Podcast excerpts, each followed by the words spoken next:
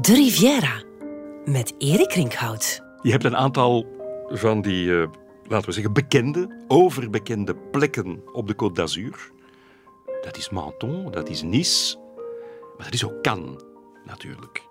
Uh, Cannes is tegenwoordig de filmstad bij uitstek, het jaarlijkse filmfestival in Cannes. Maar Cannes is natuurlijk ook ontstaan op een bepaald moment als badplaats, als kuuroord. Oorspronkelijk was het ook maar een kleine vissershaven, een kleine havenstadje. En de ontwikkeling van Cannes tot een belangrijk kuuroord en badplaats is toch ook weer de schuld van de Engelsen. Zoals alles de schuld van de Engelsen is aan de Côte d'Azur. 1834.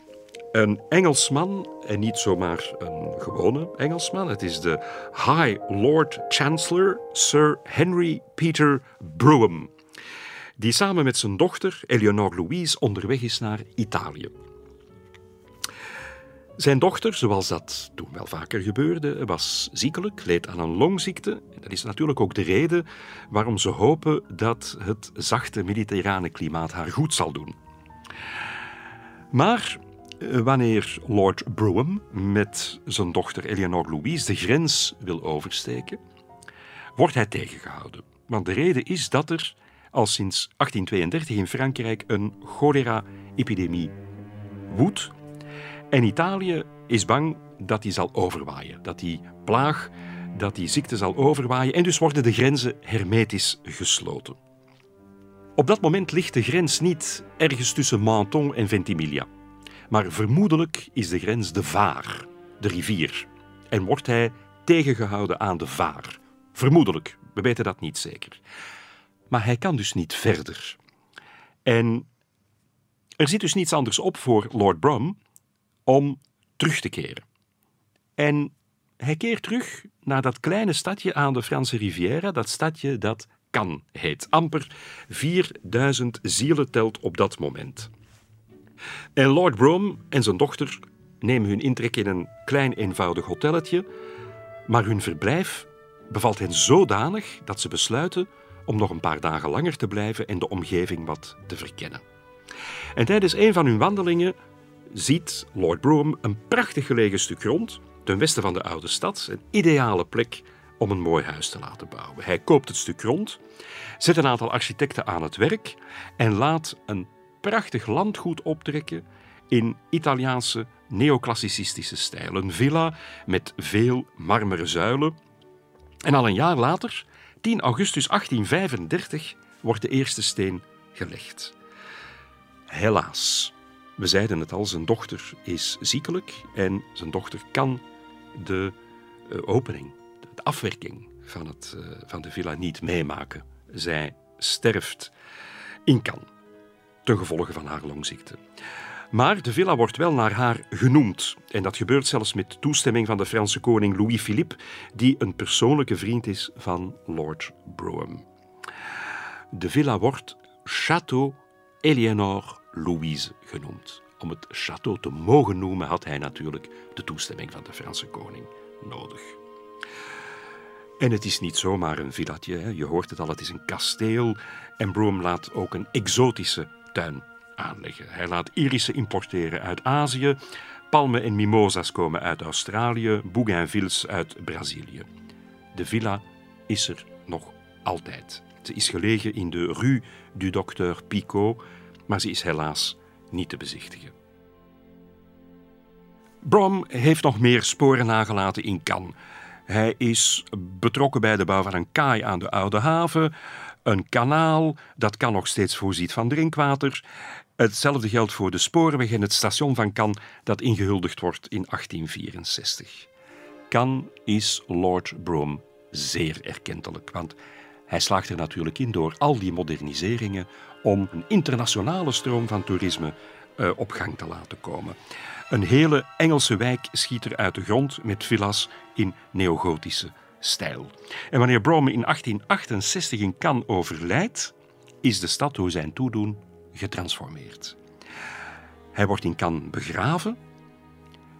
Hij krijgt op het net geopende Cimetière du Grand Jas een standbeeld er komt in de stad zelf ook een mooi standbeeld op een pleintje vlakbij de Oude Haven, vlakbij Les Allées de la Liberté. En hij wordt geëerd als de ontdekker van Cannes. Dat standbeeld, hij wordt daar afgebeeld, leunend op een palmboom met een roos in de linkerhand.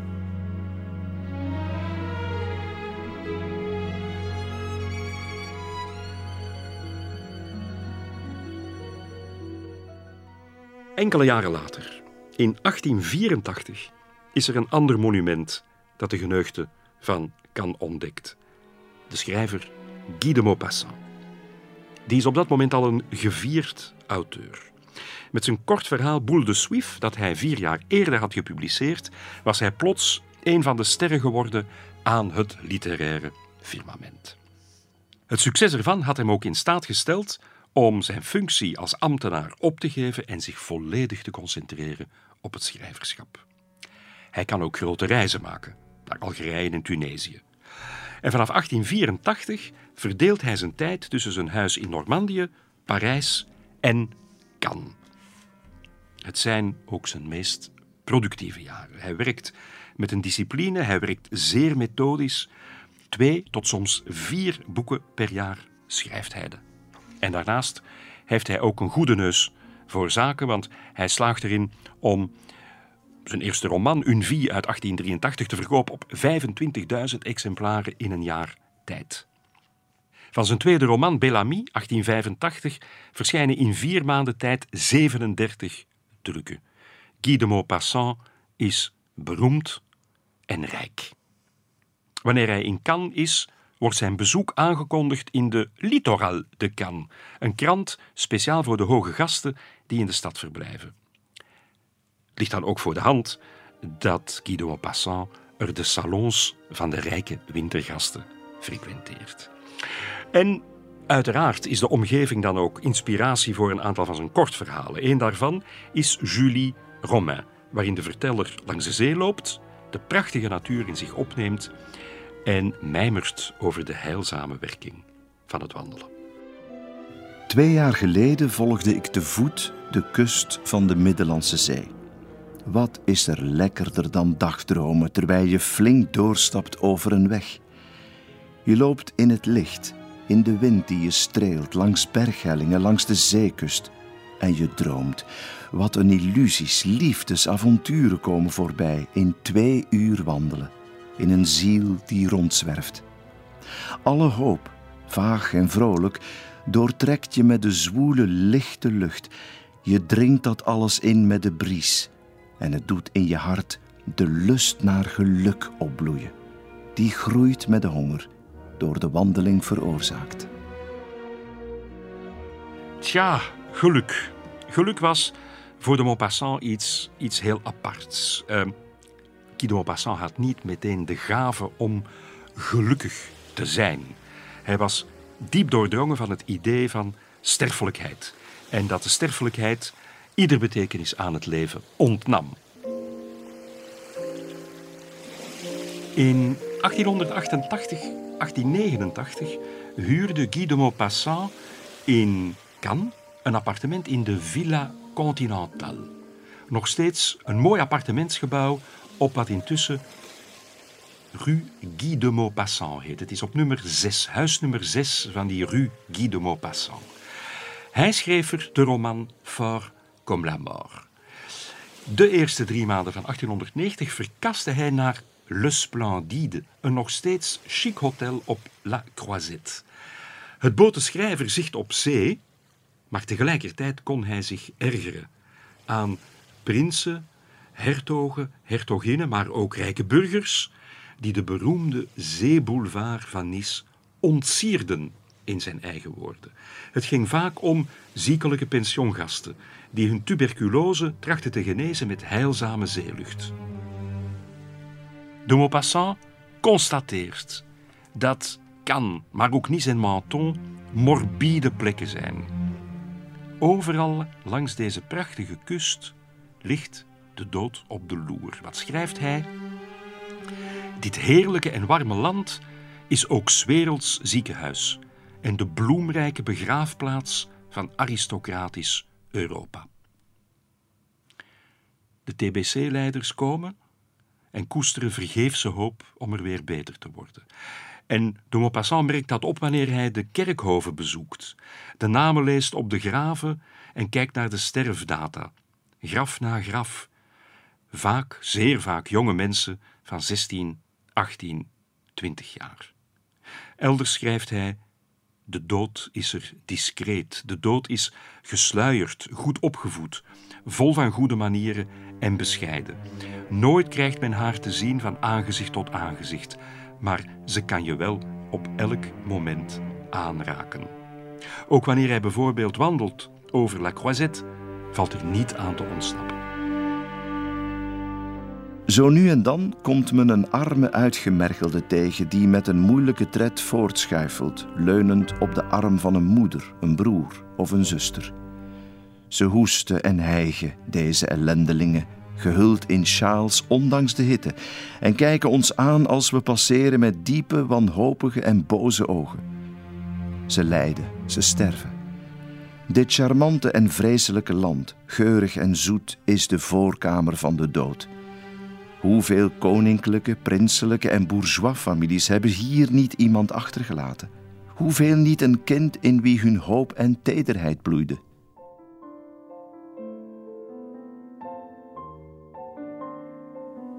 Wat hem ook opvalt in Cannes, is dat de aanwezigheid van al dat adellijk bloed ook een ander soort mensen aantrekt. Royalty watchers, zeg maar. Of mensen die nogal statusgevoelig zijn en hopen dat de status van al die keizerlijke en koninklijke hoogheden ook op hen zal afstralen. Les super chic noemde Maupassant dit soort mensen. En zij vervelen hem natuurlijk mateloos. Zij omcirkelen hun afgoden met een religieuze en komische gretigheid. En zodra zij van het ene zijn beroofd, gaan zij op zoek naar het andere, alsof hun mond slechts open kon gaan om monseigneur of madame uit te spreken. Je kunt ze geen vijf minuten zien zonder dat ze je vertellen wat de prinses heeft geantwoord, wat de groothertog tegen hen heeft gezegd, de geplande wandeling met de een en het geestige woord van de ander. U kunt voelen, u kunt zien, u kunt raden dat zij geen andere wereld bezoeken dan die van het koninklijke bloed. Dat als zij erin toestemmen met u te praten, het is om u precies te vertellen wat er in deze kringen gebeurt. En er wordt een hevige strijd geleverd, een strijd waarin alle denkbare trucs worden aangewend om tenminste eenmaal per seizoen een prins aan tafel te hebben, een echte prins. Welk een respect wekt men als men een groot hertogelijke gazontennisser is, of als men pas bij de prins van Wales is geïntroduceerd. Dat is hoe les super chic zich uitdrukken.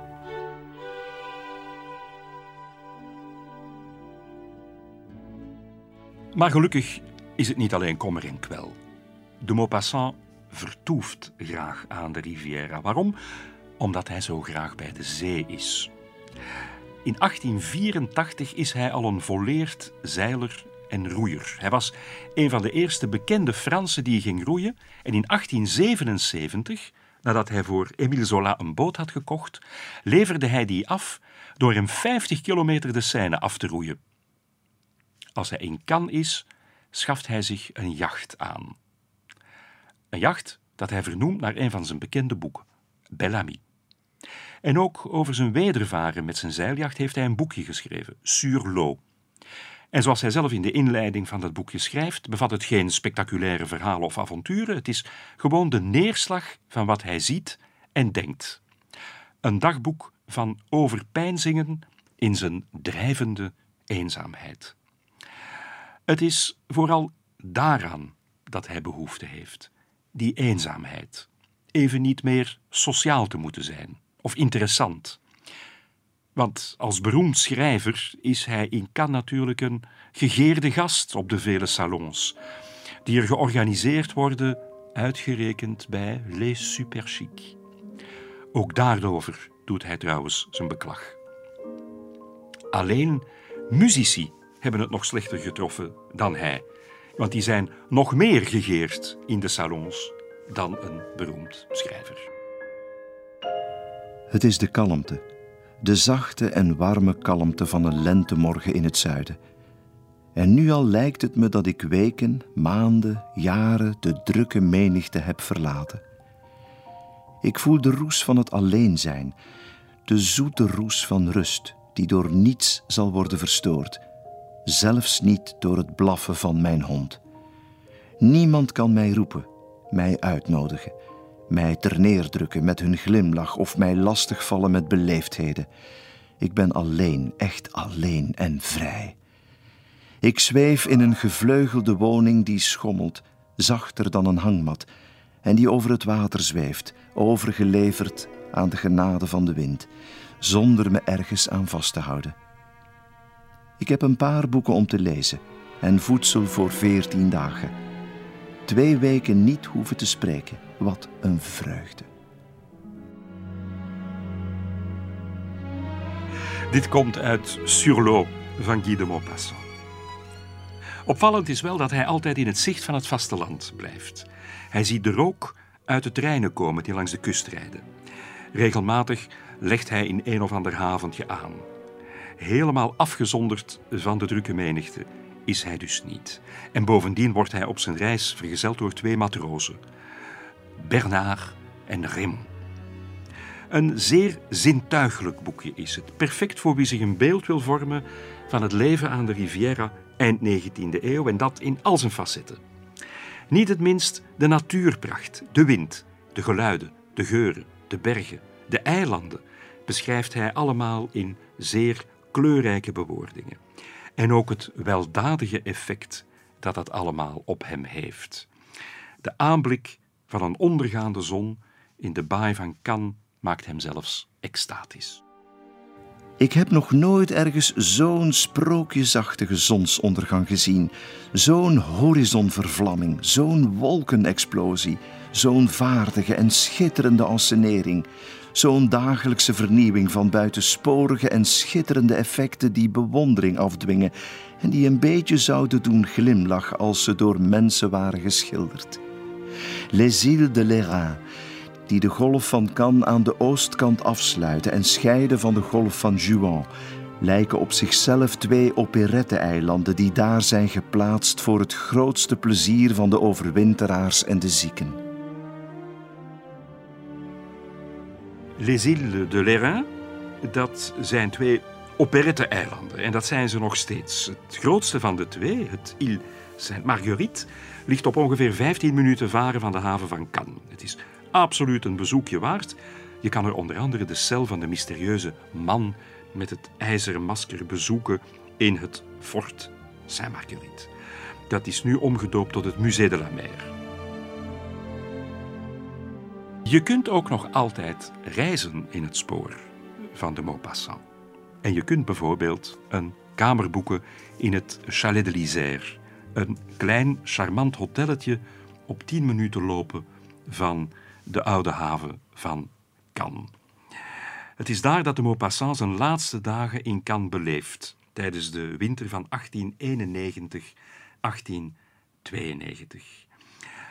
Het Chalet de l'Isère, voor wie er echt naartoe wil, is op de Avenue de Grasse 42 in Cannes. De Maupassant hield van de rust en van de zonnige tuin. Er waren geen buren, toen nog niet. Uit het raam kon hij de zee zien, de zee die zo belangrijk voor hem was. De top van het gebergte, de Esterel en de vuurtoren. Intussen is er natuurlijk veel meer bebouwing dan in de Maupassants tijd. Maar het chalet is nog steeds een familiepension en aan de gevel herinnert een gedenkplaat aan het verblijf van de Maupassant. Hij schreef er nog enkele sterke verhalen, waaronder Le Chant d'Olivier, dat zich aan de Azurenkust afspeelt.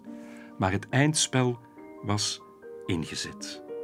De syfilis woekerde voort, de schrijver werd steeds verwarder.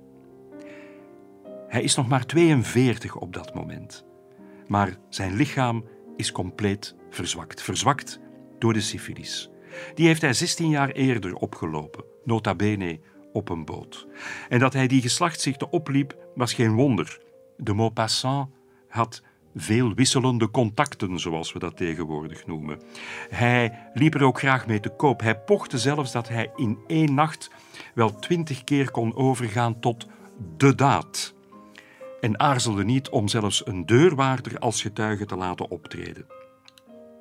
Maar dus, vanaf 1891 gaat hij snel achteruit. Hij wordt geplaagd door vreselijke migraineaanvallen, verlammingsverschijnselen en hallucinaties.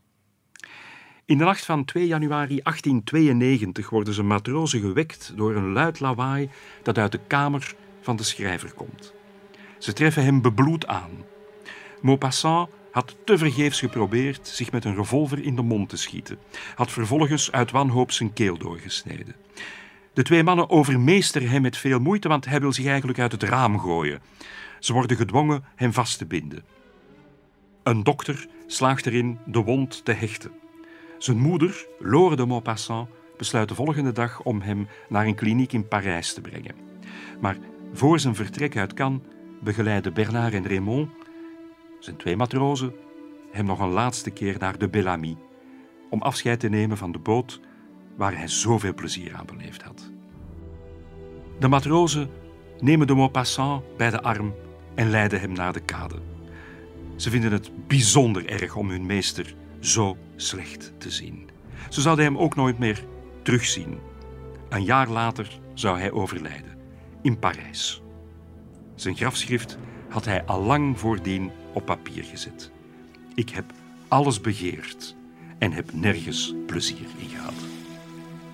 Maar vermoedelijk heeft hij toch wel heel graag gevaren met zijn Bellamy.